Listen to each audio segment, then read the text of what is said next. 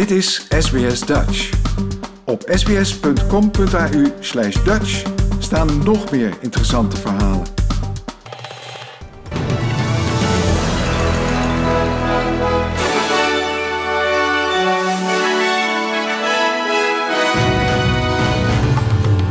Dit zijn de headlines van het SBS Dutch nieuwsbulletin van woensdag 29 juni. Oekraïne roept op tot nieuwe sancties tegen Rusland na raketaanval op winkelcentrum. Ghislaine Maxwell veroordeeld tot 20 jaar cel. En Turkije blokkeert niet langer NAVO-lidmaatschap van Zweden en Finland.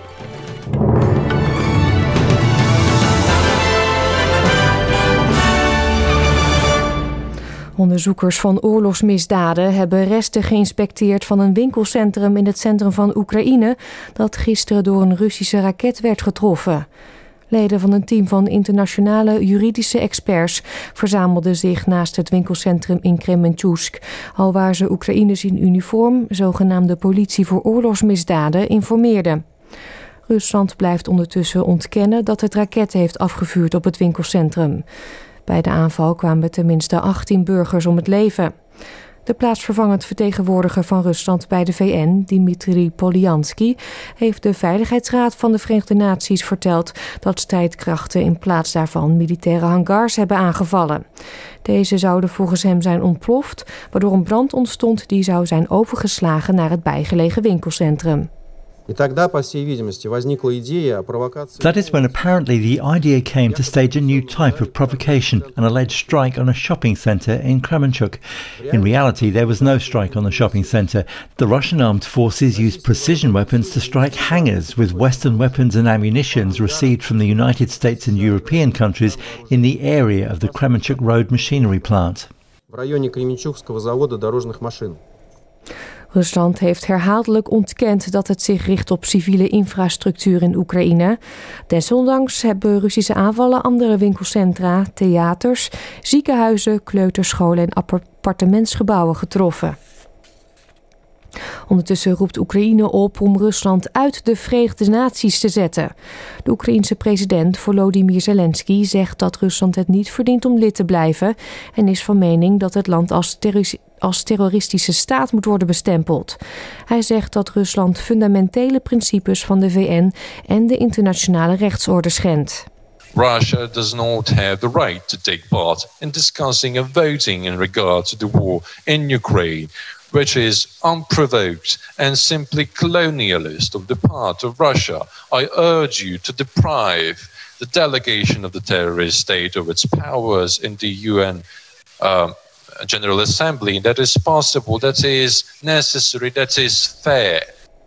Ghislaine Maxwell moet 20 jaar de cel in.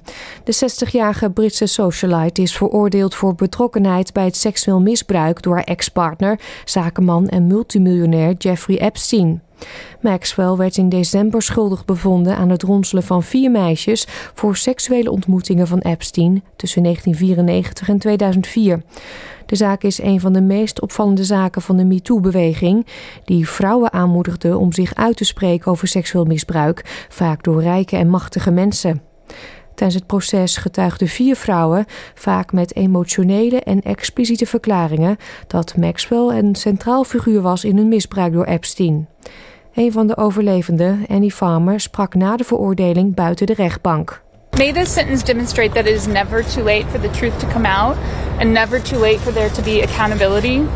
If you're someone who's experienced sexual abuse or exploitation and did not feel safe to report those crimes, or were not believed when you did, or were told that the perpetrators would not be held accountable, this is for you. De advocaten van Maxwell zeggen in hoger beroep te gaan tegen de uitspraak. Buiten de rechtszaal in New York zei advocaat Bobby Sternheim dat Epstein, die in augustus 2019 zelfmoord pleegde in zijn cel, de echte crimineel was. Hij zou haar cliënt hebben achtergelaten holding the whole bag. Our client Ghislaine Maxwell has been vilified, pilloried, and it left little room for her to be treated fairly because even before she stepped forward into this courthouse, she was being tried and convicted in the court of public opinion. We are confident that she will prevail on appeal. Schotland dringt aan op nieuwe stemmingen over zijn onafhankelijkheid van Engeland. De Schotse premier Nicola Sturgeon heeft plannen aangekondigd voor een tweede referendum in oktober volgend jaar. De regering zal een referendumwet publiceren waarin de plannen worden uiteengezet. Sturgeon heeft ook beloofd juridische stappen te ondernemen als de Britse regering de plannen probeert tegen te houden, aangezien hun toestemming nodig is om een raadgevend referendum te organiseren. Kiezers in Schotland stemden in 2014 tegen onafhankelijkheid, maar de semi-autonome regering van Schotland zegt dat het vertrek van Groot-Brittannië uit de Europese Unie betekent dat er opnieuw over de kwestie moet worden gestemd. Een meerderheid van de Schotten was namelijk tegen Brexit. Turkije zal Zweden en Finland steunen bij hun NAVO-lidmaatschap aanvragen. De twee landen willen lid worden van de NAVO vanwege de oorlog in Oekraïne. Turkije maakte als enige bezwaar omdat de Finnen en de Zweden terreurorganisaties zouden steunen.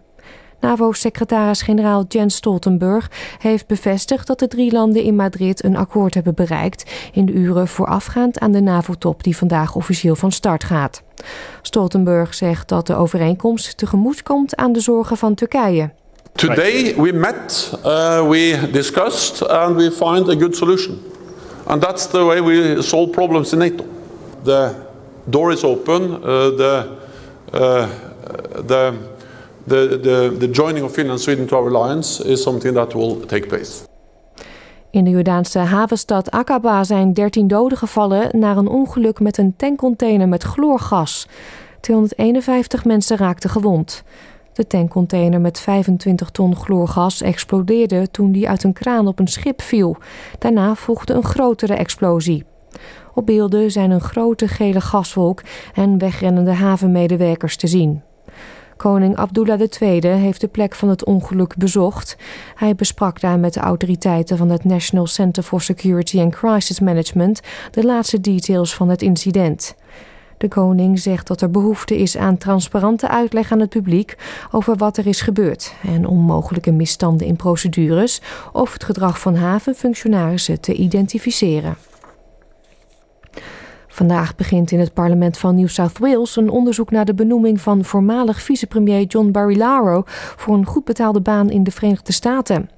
De deelstaatregering ligt onder vuur vanwege de benoeming van Barilaro als Senior Trade and Investment Commissioner in New York.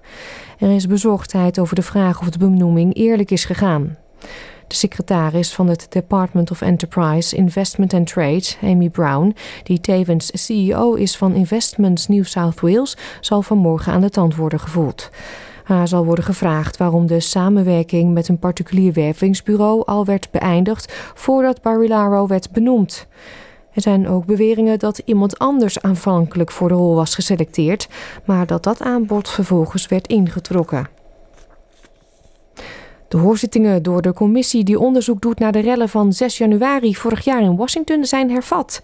Voormalig assistent van Donald Trump, Cassidy Hutchinson, vertelde de commissie dat Trump zijn staf had opgedragen om de metaaldetectors bij het Capitool weg te halen, omdat hij dacht dat het de menigte zou vertragen.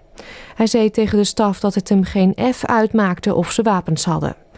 Trump zou volgens de getuigenis ook woedend zijn geworden toen hem werd verteld dat hij zich niet bij de menigte die zich richting het kapitool bewoog kon voegen. The president said something to the effect of I'm the effing president, take me up to the Capitol now. To which Bobby responded, Sir, we have to go back to the West Wing. The president reached up towards the front of the vehicle to grab at the steering wheel. Mr. Engel grabbed his arm, said, Sir, you need to take your hand off the steering wheel. We're going back to the West Wing. We're not going to the Capitol. Mr. Trump then used his free hand to lunge towards Bobby.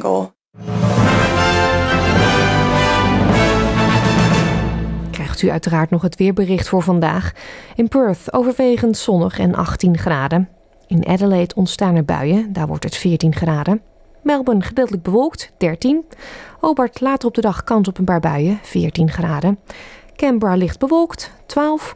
Wollongong gedeeltelijk bewolkt, 17. Ook in Sydney is het gedeeltelijk bewolkt, 19. Newcastle hetzelfde, maar dan 18 graden. Brisbane bewolkt 21. In Cairns nemen de buien toe 26. En ook in Darwin valt er mogelijk regen en daar wordt het 29 graden. Dit was het SBS Dutch Nieuws.